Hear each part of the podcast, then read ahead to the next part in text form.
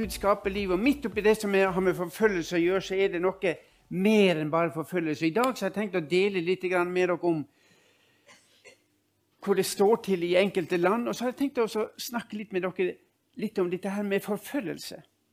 Men litt om meg sjøl først. Jeg er sunnmøring langt tilbake. Jeg er født og oppvokst i, i Ålesund, men jeg har bodd i Nordland i, i seks år. Så noen hører òg det nordlandske i stemmen, eh, stemmen min. Er det bedre nå? Ja. Noen hører det nordlandske stemmen min. Eh, mor mi hun er fra Finnmark. Eh, mor mi er same. Så jeg er samisk slekt. Så Yngstebroren min han er 22 år yngre enn meg og to år eldre enn min eldste datter. Han pleier også å si til når vi er ute Vi to vi har samme mor, men vi har ikke samme far. Sa, far vår er fra Sunnmøre, så han er ikke same. Men samme mor. Jeg har fått lov å jobbe i Åpne dører i over 30 år. Jeg har fått lov å være med på mye spesielt. Og jeg fikk lov å være med å starte Åpne dører i Norge. Eh, for min del så begynte det i 1974, da jeg traff broder Andreas, som starta Åpne dører i 1955 på en konferanse i Norge. Og så ble jeg utfordra til å gi livet mitt i tjeneste for Gud. Og Broder Andreas sa det den dagen på en konferanse. Vi var 800 ungdommer. Reis dere og gi dere i livet deres tjeneste for Gud. Og husk en ting han vil ta over. Og i mitt liv så tok Gud over. Ingen tok meg på alvor den gangen. Jeg var 17 år. Jeg var fleipen i kameratflokken min, var den som fortalte vitser. og Ingen tok meg på alvor, men Gud tok meg på alvor. Og Ti år etterpå det så var jeg utdanna biltekniker, bilmekaniker. Jeg traff broder Andreas i Nederland. Da jeg begynte å jobbe der nede. På verkstedet i, i, i Nederland. Vi var fem mann som jobba fulltid med å bygge smuglerbiler. Det var en nordmann fra Norge, det var jeg. Det var en fra Frankrike, det var en fra Skottland, og det var to fra Nederland. Og Han som leda arbeidet i garasjen, han heter Henk. Og han snakka engelsk på en sånn måte at vi lærte nederlandsk. Så vi snakka nederlandsk i den garasjen. Og der bygde vi fem-seks nye biler hvert år som vi smugla biblene inn til eh, Sovjetunionen på den tida. Eh, eller Øst-Europa. Og Det var det jeg gjorde på i åtte år. Og så fikk jeg lov å være med og starte det som ble Åpne dører i Norge i 83. Og I dag så er vi en stab som jobber, eller er 15, er vi er 18 stykker som jobber på fulltid i Norge, men det er 15 årsverk. Og på verdensbasis, Da jeg begynte i Åpne dører på 80-tallet, da var vi rundt 250 stykker. Og Broder Andreas han sa det at jeg eh, hadde aldri ønska at Åpne dører skulle bli en stor organisasjon. Så han ønska ikke det, men i dag så er vi rundt 1500-1600 personer som jobber på fulltid for å tjene disse forfulgte kristne. Broder Andreas starta i Polen i 1955, og i dag så jobber vi i mer enn 70 land over hele verden der forfulgte kristne er. Jeg har lyst til å begynne med dette bildet her. I begynnelsen la du jordens grunnvoll, og himlene er et verk av ditt, dine hender. Og Gud så på alt han hadde gjort, og se, det var svært godt. Det var begynnelsen. Se, det var svært godt. Og hvis du ser på verden i dag, så har det forandra seg. For det gikk fullstendig galt ikke så lenge etterpå. Mennesket bestemte seg for at det ville bli lik Gud. Og så vet vi at det gikk helt galt. Og Hvis vi ser på verdensbildet i dag da Gud, holdt, Gud holder denne kloden her, Det er han som holder det fortsatt. Men mennesket bestemte seg for å gjøre noe annet. Og i dag, når vi sier at å se alt var godt Hvis du ser på verdenskartet i dag Det kartet vi gir ut som handler om forfølgelse på verdensbasis, så ser dere at store deler av verden har fått farge. Der det er vanskelig for de kristne å være. Og vi vet at her på Nærbø så har dere et asylmottak. Mange av de som kommer dit, kommer fordi de er troende, og fordi de har et vanskelig liv. Og vet dere, det, det, det, er flest kristne som kommer til Norge. Mange snakker om mange muslimer som kommer til Norge, men det er flest kristne som kommer til Norge. Og jeg vet at menigheten her har vært med å ta imot flere av dem. Og hva det er som skjer på verdensbasis, hvis du begynner å se på det som vi, kartet som vi gir ut I fjor, i 22, så ble over 5600 kristne drept for troa si. 80 av dem kommer fra Nigeria. Nigeria er et land i Afrika der de betaler den høyeste prisen. Jeg skal komme litt tilbake til det. Over 2100 kirker ble angrepet. Over 4500 kristne ble fengsla uten lov og dom. Og over 5200 kristne ble bortført. Og flesteparten av dem er unge jenter som blir bortført og gifta vekk.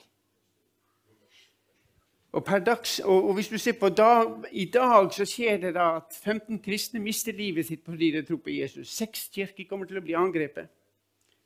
12 kristne går i fengsel uten lov og dom, og 14 kristne blir bortført pga. troa si.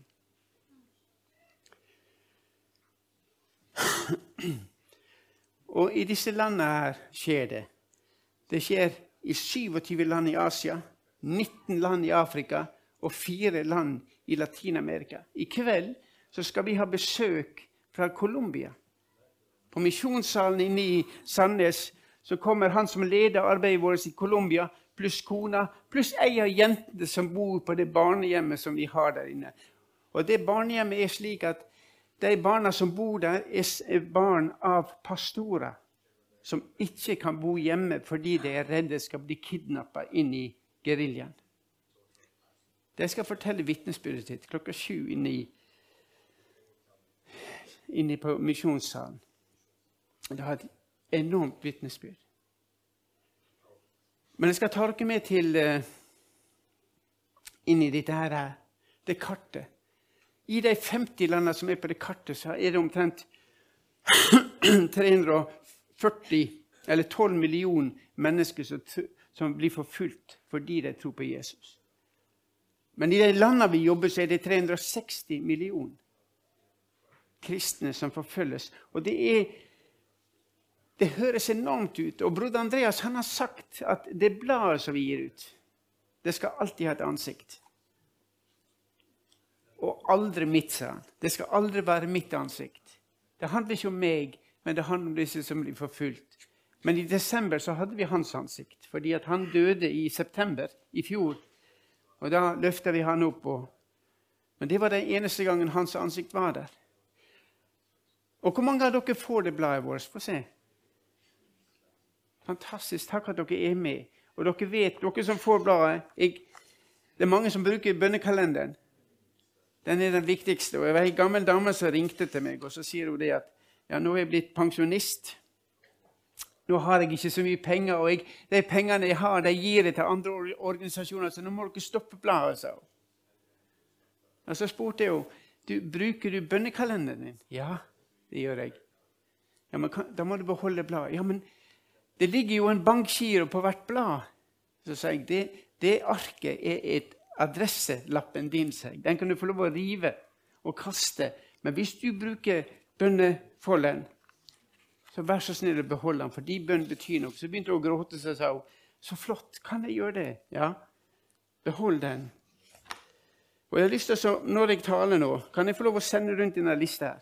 Hvis dere ikke har bladet, kan dere skrive dere på og være med å bety en forskjell for disse som blir forfulgt. Det tar dere ca. en halvtime å lese gjennom det bladet. Det bladet nå snakker om Kina. Hvis du vil sende det rundt, og så har jeg noen blad som ligger bakpå eh, det ligger bakpå eh, bak med teknikken her. Og så har jeg noen som bønnekart. Kort. Ta med dere. Som en påminner, så dere kan legge det i Bibelen, og så husker dere på disse som blir forfulgt. Men som jeg sa, det handler om enkeltpersoner. Disse ansiktene som kommer frem her, flere av dem har jeg fått lov å treffe. Hun øverste høyre, Sofia kaller vi henne, hun var på barnehjemmet i Colombia. Jeg har en film der Sofia forteller historien sin, hvordan mamma og pappa den dagen ble skutt. Hvordan hun som tolvåring kom springende bort sammen med menigheten og la seg på kne foran og ba for dem. Hun forteller vitnesbyrdet gråtende, så sier hun det at Hvorfor hørte ikke Gud når vi ba om at pappa og mamma måtte få lov å leve? Begge to døde, og så fikk hun lov å komme sammen med søsknene sine på barnehjemmet vårt. Og så skulle du tro at den jenta ville ikke ha noe med Jesus å gjøre. Men etter hun var ferdig på barnehjemmet så begynte hun å reise sammen med UiO over hele verden og fortelle hvor stor Jesus er, og at det er verdt å følge Jesus. Hun kunne fortalt flere historier her. Han i midten til venstre, pastor i en av de største evangeliske menighetene i Midtøsten, pastor Sameh. Neste måned, 17. november, så reiser jeg ned, og jeg skal være med og besøke deg og, og få lov å være sammen med deg. Mange av disse har ei historie. Men jeg har lyst til å ta dere med dere kort og ta dere med til Nord-Korea. Når dere får det kartet i januar, vi, eller januar-februar, setter vi riv det ut av bladet, heng det opp en, eller annen plass, så dere kan bruke det bønnekartet. Nord-Korea, ledet av Kim Jong-un, en mann som er utdanna i Sveits, som leder et land med nesten 26 millioner mennesker. Og de har et håp om å utslette kristne. I det landet så finnes det mellom 400 500 000 kristne. Antallet vokser hele tida. Og jeg har en kort film der en kristen, der er en, en, som, en som rømte fra Nord-Korea. Han kom til tro fordi at det er en offentlig hemmelighet i Kina at det er de kristne menighetene som tar seg av nordkoreanerne som flykter. Dere skal få se hva han forteller sjøl, Timothy. Men se på hva han sier til folket sitt. Under pandemien så sier han dere må spise mindre mat inntil landet gjenåpner grensene til Kina i 2025. Og det sier han til et folk som sulter allerede. Dere må spise mindre. Det nordkoreanerne sier til oss, vil dere be for oss. Vi skal forkynne evangeliet. Og hvis det skal koste oss livet, så får det koste oss livet. Men vil dere be for oss? Det er ei ung kvinne som forteller det at når Helligånden minner henne om at hun skal gå ut og evangelisere, så tar hun barnet sitt og surrer det bak på ryggen, og så går hun ut på veien sin, og så går hun. Helt til den hellige ånd minner meg om at den personen skal du snakke med. Og så går hun bort og gir vitnesbyrdet sitt til ham. Og det er livsfarlig. Men så snur hun og går hjem igjen. Men vi vil forkynne evangeliet og være lydige inntil Jesus kommer igjen. Og vil dere be for oss, spør jeg. Men se hva Timothy spør om. Nå jeg at lyden er oppe og går. I was born in a, in a kind of a prison society. All I believed was North Korean leaders and, and, and the country was the best country and leaders in the world because I was brainwashed.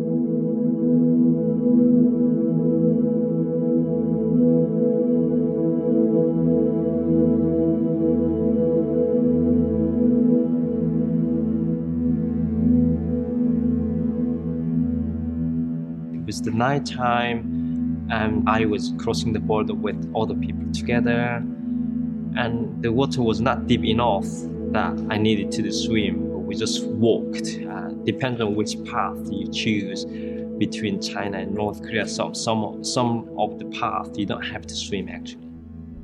It took me only about a few minutes to cross the border actually.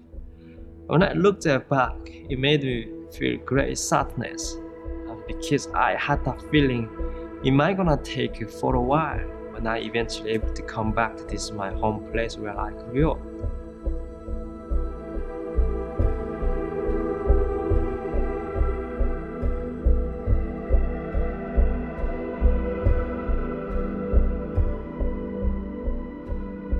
As soon as I entered into this safe house, first thing I saw was the Bible and the cross. It scared me because of what I reminded of the anti-Christianity and propaganda education in North Korea, the cross means curse. And I, I thought you get cursed even you touching that cross even briefly. He knew that missionary guy. He knew he saw into my eyes and he he probably felt I was not in a stable moment. He said to me, if you are in difficult, dangerous situations, you can try to call God. I ran away from the house. I didn't even say bye to them when I left.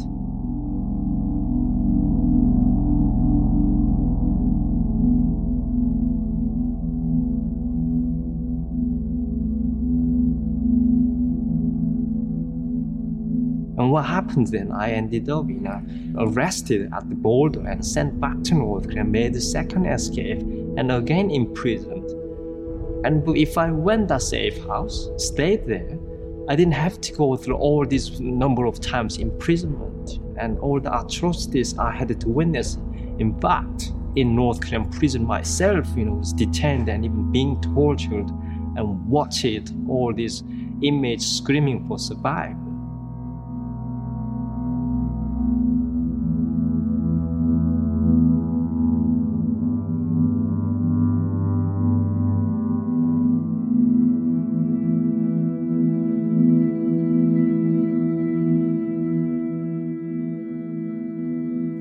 Entered, and I've seen the first person who had offered me uh, food, shelter, and water. It has shown to me the, the, the love of humanity. They did not ask me anything. The love it came with unconditionally. And that humanity and love and beauty where it comes from, this is from our God.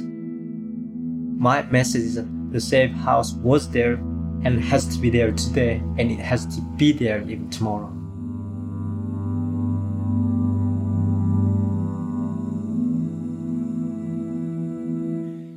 Jeg fikk lov å være sammen med noen som jobber inn til Nord-Korea, sammen med teamet vårt.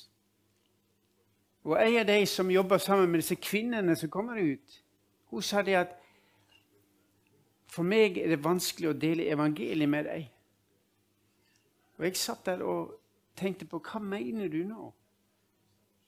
Når Vi snakka og spurte henne hva mener du nå? Så sier hun det at hvis jeg deler evangeliet med disse kvinnene her, så vet jeg at det kan koste deg livet.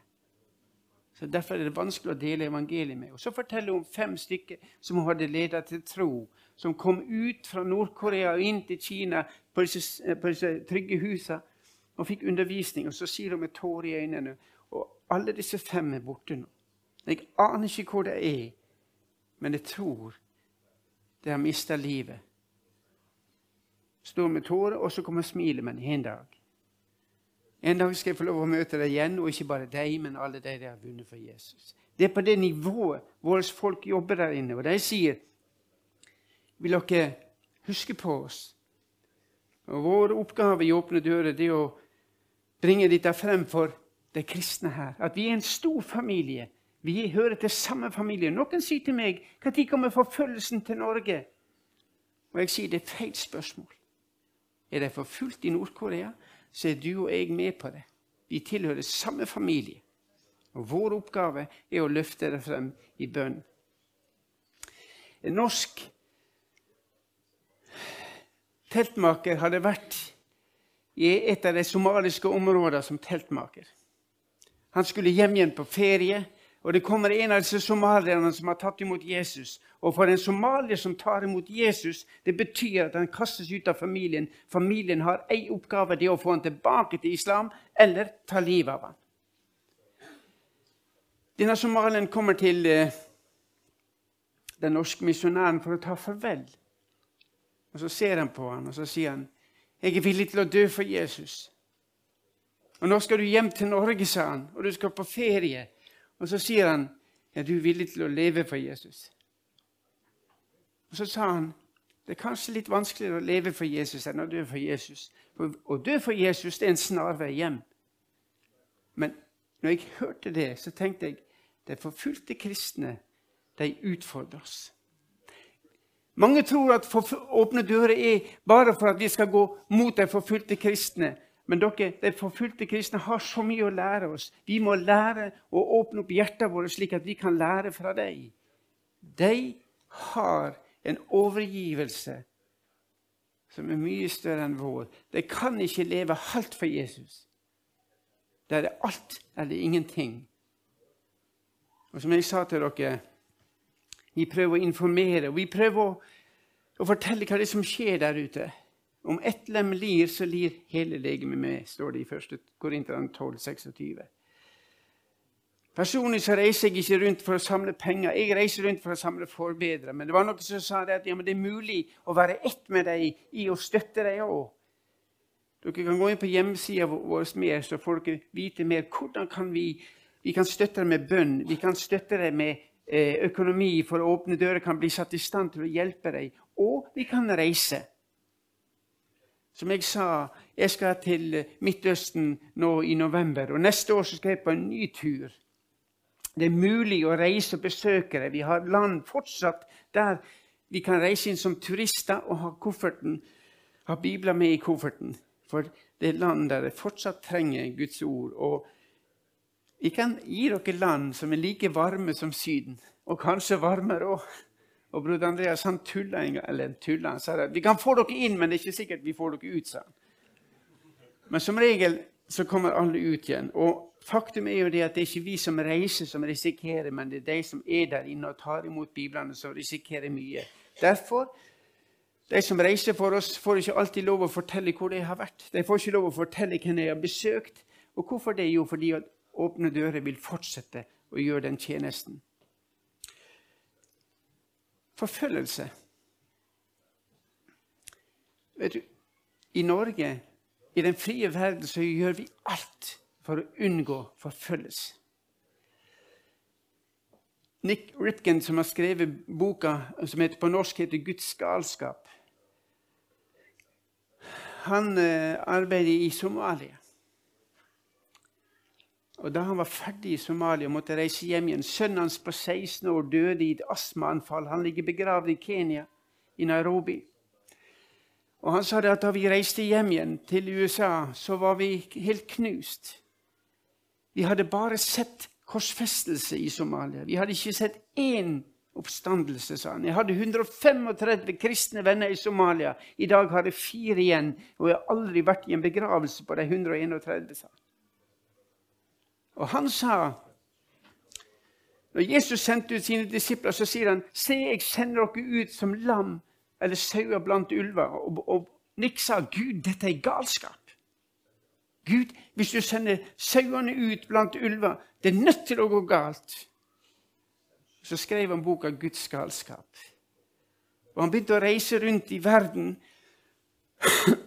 og, under, og, og intervjue folk som har blitt forfulgt, for å finne ut hva er det Gud med forfølgelse og Gud er nødt til å gå galt når du gjør sånn som du gjør. Han har intervjua ja, rundt 700 personer. Han har oppdaga noe. Dette med forfølgelse. Forfølgelse er ikke fordi Gud har glemt deg. Det er heller motsatt. Og det går galt menneskelig sett i mange land. Lea Sharibu Mange av dere som får bladet vårt, har lest om Lea Sharibu i, i Nigeria. Hun var 14 år 19.2.2017, da hun ble kidnappa sammen med 109 andre jenter av Boko Haram, som er den ekstremistbevegelsen i, i, i uh, Nigeria. I nordøst holder de til. Og de ønsker å utslette kristne i Nigeria. Og hvorfor Nigeria? Nigeria er et land med 210 millioner mennesker, og 100 millioner av dem er kristne. Hvis Boko Haram klarer å presse de kristne ut av Nigeria, som er det største kristne landet i Afrika, da klarer de alle land i Afrika. Derfor er det en sånn kamp i Nigeria. Hun ble kidnappa sammen med 109 andre jenter, og fem jenter dør første natta. Så det er 105 stykker som kommer til leiren. Boko Haram de sier det at ingen muslimer skal behøve å bo eller være slaver under islam. Så hvis dere sier fram den muslimske trosbekjennelsen, så skal dere få lov å reise hjem igjen. Av de 105 jentene som var igjen, så var det 104 muslimer. Og Lea var kristen. Venninnene til Lea går til Lea så sier de det. 'Lea, du må bare fremsi den muslimske trosbekjennelse.' 'Det kan du si med munnen, men med hjertet kan du tro.' Og Lea var 14 år gammel. Hun har sikkert gått på søndagsskole og har fått, hatt kristne foreldre. Hun sier de kan aldri forlate Jesus. Og jenter sier, 'Ja, men da blir du her.' Jeg, jeg, slipper aldri Jesus. Og så sier hun, 'Jeg skal skrive en lapp til mamma.' Mora heter Rebekka, faren heter Nata. Kan dere ta den med dere og gi den til mamma? Og jeg hadde Før det så hadde jeg bedt Gud, vil du sette Lea fri? Vil du løslate Lea og la henne få komme hjem igjen? Men når jeg las den brevet som hun skrev til mammaen sin, så, så står det Mamma, ikke vær bekymra. Jeg vet at det er vanskelig for deg å savne meg, men jeg vil at du skal vite at jeg har det bra her hvor jeg er. Og bare det at hun sier det Jeg har det bra her hvor jeg er. Det er nesten slik at du sier Er det sant? Så sier hun jeg er overbevist om at jeg en dag skal få lov å se deg igjen, ansikt til ansikt. Om ikke her på jorda, så i hvert fall i fanget til min Herre Jesus Kristus. Og når jeg las det, da slutta jeg å be om at Gud, du må sette henne fri. Fordi at Lea er ikke der fordi at Gud har glemt henne, men Lea er der fordi hun ønsker å være et lys. Og i den Boko Haram-leiren så finnes det ett lys som reflekterer Guds kjærlighet, og det er Lea Sharibu. Og det er det kanskje andre òg, kristne, som er der, som ikke vil fornekte. Men Lea vet vi navnet på. Og jeg slutta å be Gud sette henne fri, men jeg begynte å si Gud, vil du la Lea få erfare at som dagen er, så skal også din styrke være. Og Gud, kan du sette henne fri når din time er der? Hun er ikke der fordi Gud har glemt henne. Og I dag så er hun 20 år. Hun er tvangsgifta. Den første mannen hennes er død. Han var muslim som var med i Boko Haram. Og nå er gifta med en annen. Og to barn. Vil dere huske på Lea? 20 år gammel jente som ønsker å stå for Jesus. og Hun er et vitne i den leiren. I boka til Ripken, Nick Ripken har han skrevet opp noe som en Paul Marshall har sagt fem ulike reaksjoner blant troende på forfølgelse. Og disse punktene er at nummer én Vi vil at forfølgelsen skal stoppe. Nummer to vi ønsker å redde de som blir forfulgt. Nummer tre vi ønsker at forfølgerne skal straffes. Og fire vi setter likhetstegn mellom vestlig form for demokrati og Guds rike. Vi tror at hvis de bare får innført det vestlige form for demokrati, så går det bra. De allierte, når de gikk inn i Irak i 2003, da var det, da var det én million kristne i Irak. Og Vestlig verden gikk inn og sa at vi skal få orden på dette. I dag er det rundt 150 000 kristne igjen i Irak, og det går fullstendig galt. Vi setter likhetstegn mellom vårt demokrati og Guds rike. Men hvis ikke vi gir hjertet vårt, så har vi ingenting å komme med. Og det fjerde, femte punktet, Vi fokuserer gjerne på å skaffe økonomisk støtte og redde og hjelpe de forfulgte troende. Når du ser på disse punktene her, så ser det ut som man Du kan ikke være uenig i det. Det er greit, ikke det? Vi ønsker å straffe, det, straffe disse forfølgerne. Husker dere da disse to brødrene skjøt disse den avisredaksjonen. Og så ble det jakt etterpå. Og det ble sendt direkte på TV. Og det ble fanga inn i et lager, og det var direktesending der. og Jeg satt og så på det sjøl, og plutselig så hører du maskingevær, ild og eksplosjoner. Og så tenkte jeg Der fikk vi deg! Og vi ønsker å straffe deg. Men den dagen så var det to personer som gikk til helvete fordi de kjente ikke Jesus. Tenker dere over det? Ber vi for, for deg? Og jeg vil si at Når vi snakker om islam, så må dere gå, gjøre den feilen at dere hater muslimene. Det handler ikke om det. Gud hater synder, men han elsker synder. Muslimer er mennesker som du og jeg, som ønsker å leve i fred og ro. Og gi fremtid til barna sine. Men hvis du tar alle disse punktene her og prøver dem mot Guds ord, så svikter det alle sammen. Gud har en helt annen plan, en helt annen tanke. Og grunnen til forfølgelsen er at Guds rike forkynnes i disse landene. De gjør noe riktig. Den teksten som jeg har her, det er Matteus 5. Jeg skal ikke si så mye rundt det. Jeg talte over det. Det må være lys og salt. Og når jeg gikk gjennom den teksten som er bergpreika, så, så, så oppdaget jeg at vi kunne dele det i tre forskjellige punkt. Det første ni versene snakker om hva troa vil gjøre med livet vårt.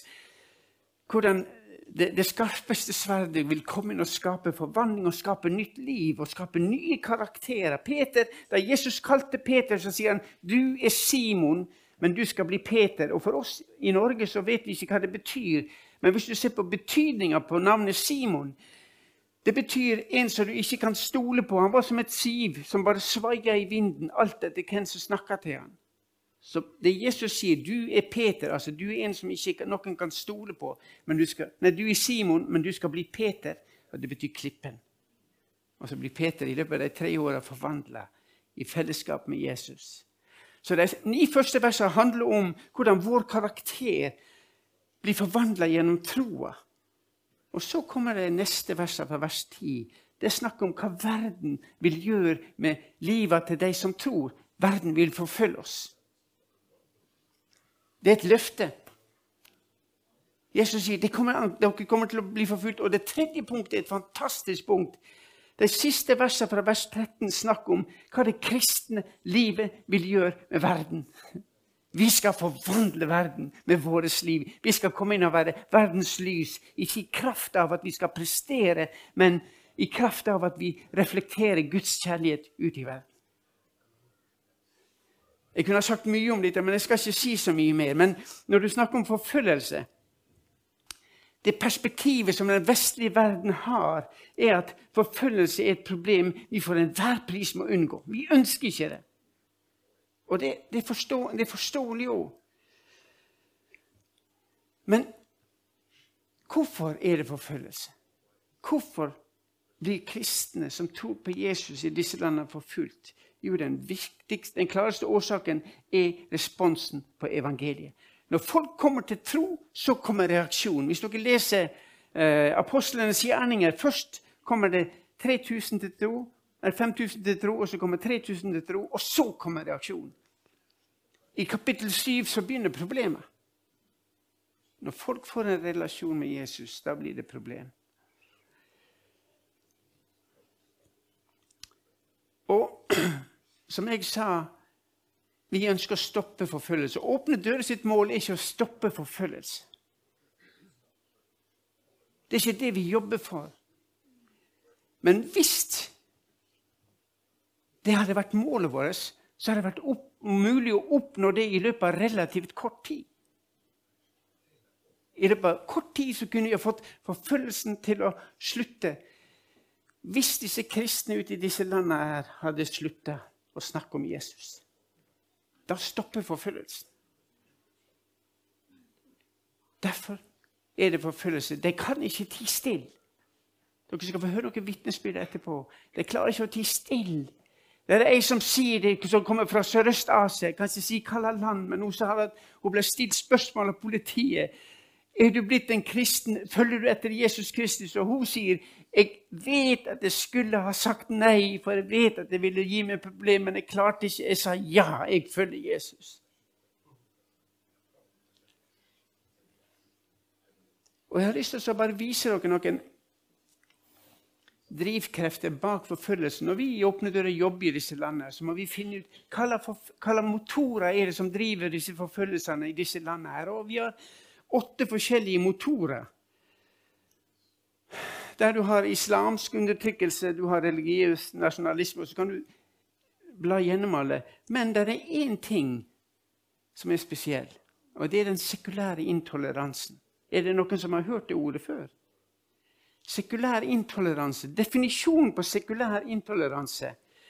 Når jeg så den definisjonen, så tenkte, så tenkte mitt for Det sier man forsøker å rydde religion ut av det offentlige rom og om mulig fra folks hjerter. Jeg hørte en norsk politiker på høyt plan si en gang jeg er en kristen, men min tro påvirker ikke min måte å drive politikk på. Og jeg tenkte oi, men det passer perfekt inn i dette bildet her. Man forsøker å utrydde religion fra det offentlige rom og om mulig fra folks hjerte. Det som blir sagt i dag, er at hvis du er en kristen, helt greit, men det er en privatsak. Hold det for deg sjøl. Og dere, det passer oss farlig godt. Det passer oss farlig godt. Jeg behøver ikke fortelle om Jesus. Jeg kan ha det for meg sjøl. Og jeg ser vi er kommet langt i Norge. Jeg merker bare på mitt liv hvor vanskelig det er å gå til naboen og være et vitne. Det er mye enklere å reise til Afrika og være misjonær enn å gjøre det i blokka di. Men dere, det er der du og jeg lever i dag. Og vi blir bedt om at det er greit du er kristen, hold det for deg sjøl. Og jeg tror flere av dere har hørt det. Og Nick Ripken han snakker om dette her i boka som heter 'Guds galskap'. Så skriver han forfølgernes mål er alltid å nekte mennesker tilgang til Jesus. Og Vi troende kan uforvarende samarbeide med forfølgerne bare ved å la være å dele troa. Det er det samme resultatet. Forfølgernes voldsbruk til å kneble troa og den kristnes vegring mot å snakke åpent om, gi, eh, om Jesus gir samme resultat. Og resultatet er at i begge tilfeller blir folk nekta tilgang til Jesus. Og når jeg leste det, så tenkte jeg min vegring mot å dele evangeliet har samme effekt som disse som forfølger. Med voldsbruk. Det nekter folk adgang til Jesus. Og Jeg var sammen med noen i Egypt. Disse tre her, Jeg fikk ikke lov å ta bilde av de som sitter med ryggen mot. Disse tre her er egyptere. Høyt, høyt utdanna.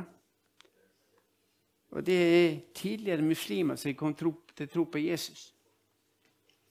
Og han til venstre her, Marabas, han spurte hvordan er det å være kristen i Norge.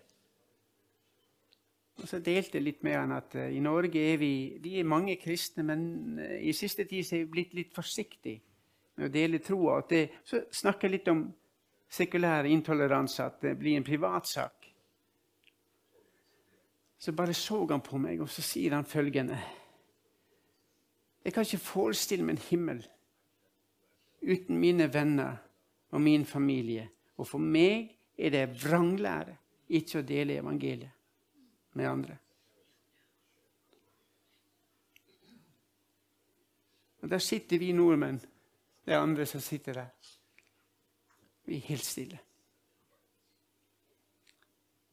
Vi trenger utfordringer fra den forfulgte kirka. I samme land så møtte jeg en gammel pastor, en liten mann, men han er stor i Guds rike, i byen Asgut. Han lever ikke lenger nå.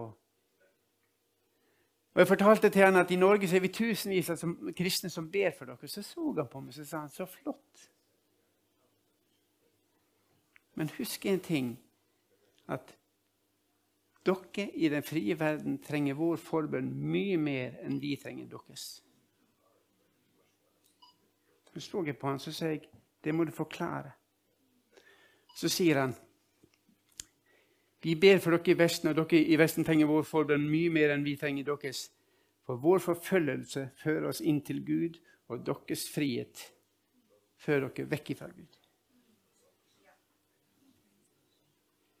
Og jeg tror deg som kommer fra andre land, er mye mer frimodige. Jeg tror Gud har plassert folk fra andre land i Norge for å minne oss om å dele evangeliet med andre.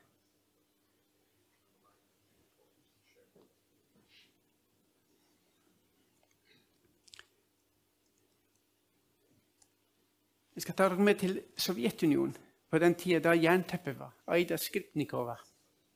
Ei ung jente. ei er det første som begynte å ta imot bibler fra bror Andreas. Hun ble fengsla fordi hun samarbeider med dem. Og det bildet her er av Aida når hun var ung. Det ble skrevet en bok om henne. Og hun skrev, fikk smugla ut et brev fra fengselet. Og Der skriver hun jeg er ofte blitt fortalt du kan tro på Gud, men du behøver ikke å oppføre deg som en kristen. Med andre ord, du kan tro på Gud, men ikke følge budet hans. Det var det tilbudet jeg fikk for å bli løslatt fra fengselet. Satan kom ofte med tilbudet 'fornekt Guds bud' istedenfor å si 'fornekt Gud'. Faktum er at disse to forslagene innebærer samme konsekvens. Da en av de kristne brødrene under rettssaken fikk tilbud om at han kunne tro på Gud, men ikke oppføre seg som en kristen før han kom til himmelen, så svarte han dersom jeg gjør det, så vil jeg aldri komme til himmelen. Vi vil stå på Guds ord. Og Jeg har sett et intervju med Eide. Her er hun gift. I 2019 ble hun intervjua i St. Petersburg. Der bor hun nå. Og Hun ble intervjua om hvordan det var under jernteppetida, hvor de ikke hadde frihet. Og så når friheten kom i, i 1989 eller 1991, så proklamerte Sovjetunionen full trosfrihet i, i, i Russland. Og så sier hun når de sier at myndighetene har gitt frihet til de troende i Russland, så sier de alltid nei til det. Selv i tider med forfølgelse så var vår kirke allerede fri. Vi var fri. Vi var fri fra frykten. Og, og lederne i Sovjetunionen de sa på slutten av 80-tallet eh, vi har tapt mot de kristne fordi de kristne Vi kan true dem med fengsel og fangeleirer, men de er ikke redde lenger. Vi klarer ikke å skape frykt. Sånn som Eida sier, vi var allerede fri, for vi var satt i frihet.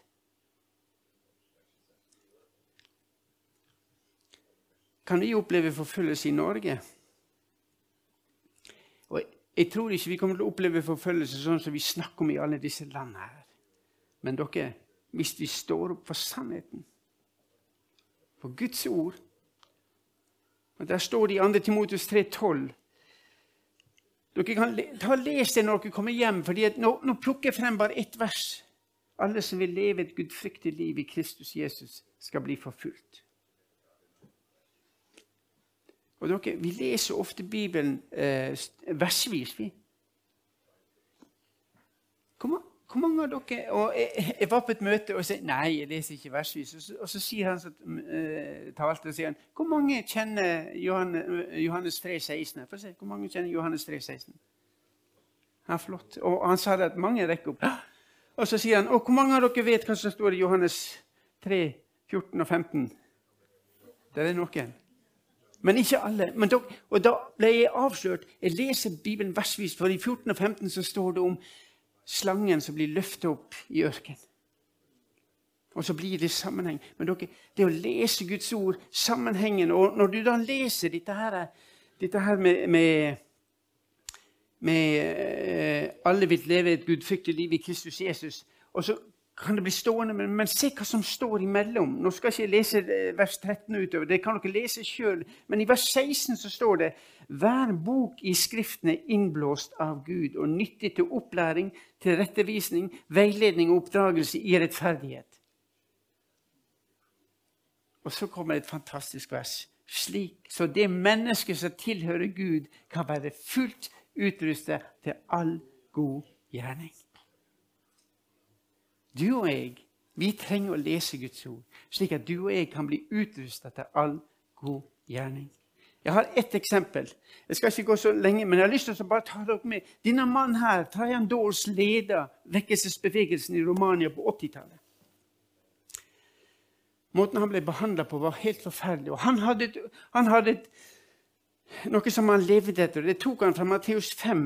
Han, han sa det at den eneste metoden for å bekjempe våre fiender, er å elske dem til de blir våre venner. Uansett hva som skjer, å elske dem.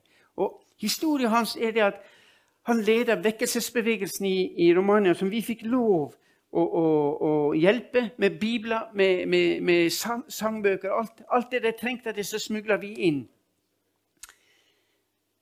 Og han forteller historien hans er det at, eh, at han ble eh, oppsøkt av Securitate jevnlig. Og det var én politibetjent som var med der hver gang. Og han ble rundhjult. Han ble slått ned. Eh, og da de var ferdig med han, så lå han på gulvet. og De som slo, de gikk, og han politibetjenten sto der til han klarte å reise seg opp igjen. Og Dette gjorde de for å få han til å slutte. Og når Politibetjenten sto der, og før politibetjenten gikk, så sier Trajan Dårstand hver gang så sier han følgende Politibetjent, jeg elsker deg. Og Jeg vil at du skal vite at hvis vårt neste møte blir foran Guds trone, så vil ikke du havne i helvete fordi jeg hater deg, men fordi du forkasta min kjærlighet. Jeg elsker deg. Historia er slik at, For å gjøre lang historie kort, så en dag så banker det på døra, og han lukker opp, og der står politibetjenten. Trajan tror det er en ny runde. Men han er alene, og så sier han, 'Kan jeg få lov å komme inn?' Så kommer han inn, og så sier han, 'Jeg har noe jeg skal si deg'. Og Så forteller han det at herr Dawes, neste gang vi møtes, det vil være foran Guds dommertrone. Jeg er kommet for å be om tilgivelse og fortelle deg at din kjærlighet rørte ved mitt hjerte. Jeg har bedt Jesus Kristus om å frelse meg. Og Så forteller han det at han har fått kreft. Han kommer bare til å leve i 14 dager til. Men han ville at han skulle vite at din kjærlighet rørte med mitt hjerte. At du reflekt, din refleksjon av Guds kjærlighet Det står at vi er Guds lys. At vi er verdens lys. Men dere, vi er ikke verdens lys i kraft av vår prestasjon, men vi er verdens lys i kraft av vår relasjon med Jesus. En måne skinner ikke i seg sjøl, men han bare reflekterer sollyset. Og så skal jeg avslutte. Nå har jeg snakket om forfølgelse. Men i vår del av verden så opplever vi ikke forfølgelse, men vi opplever forførelse. Og det, da, da Satan prøvde mennesker, så sa han alltid så Til å begynne med har Gud virkelig sagt?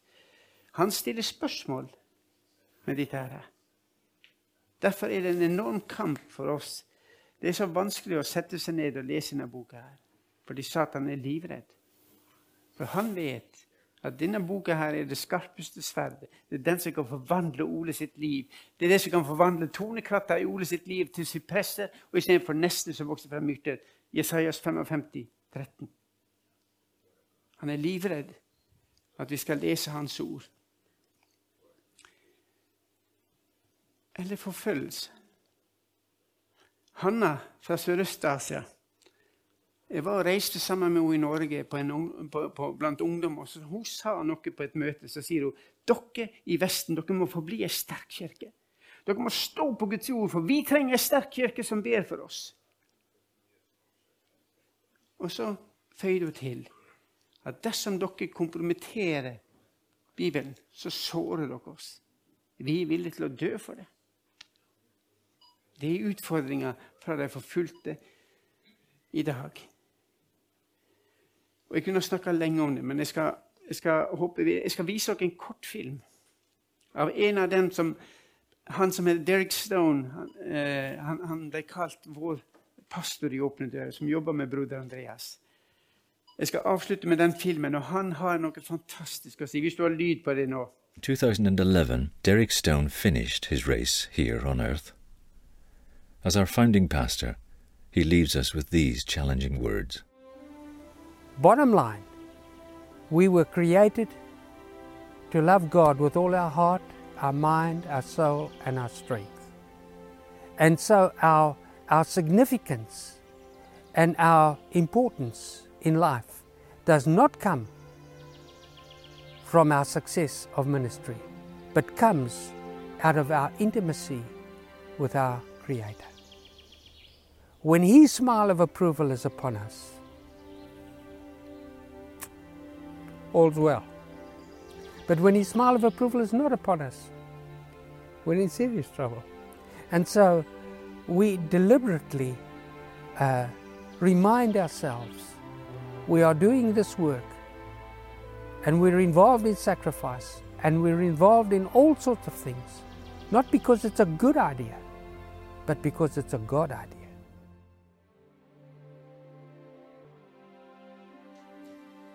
Betel på Nærbø er ikke en god idé, men det er Guds idé. Og jeg synes det han sier her, er fantastisk. Jeg er blitt invitert med av Gud til å være med på hans arbeid. Åpne dører er ingen Det er ikke vårt, det er et redskap i Guds hånd.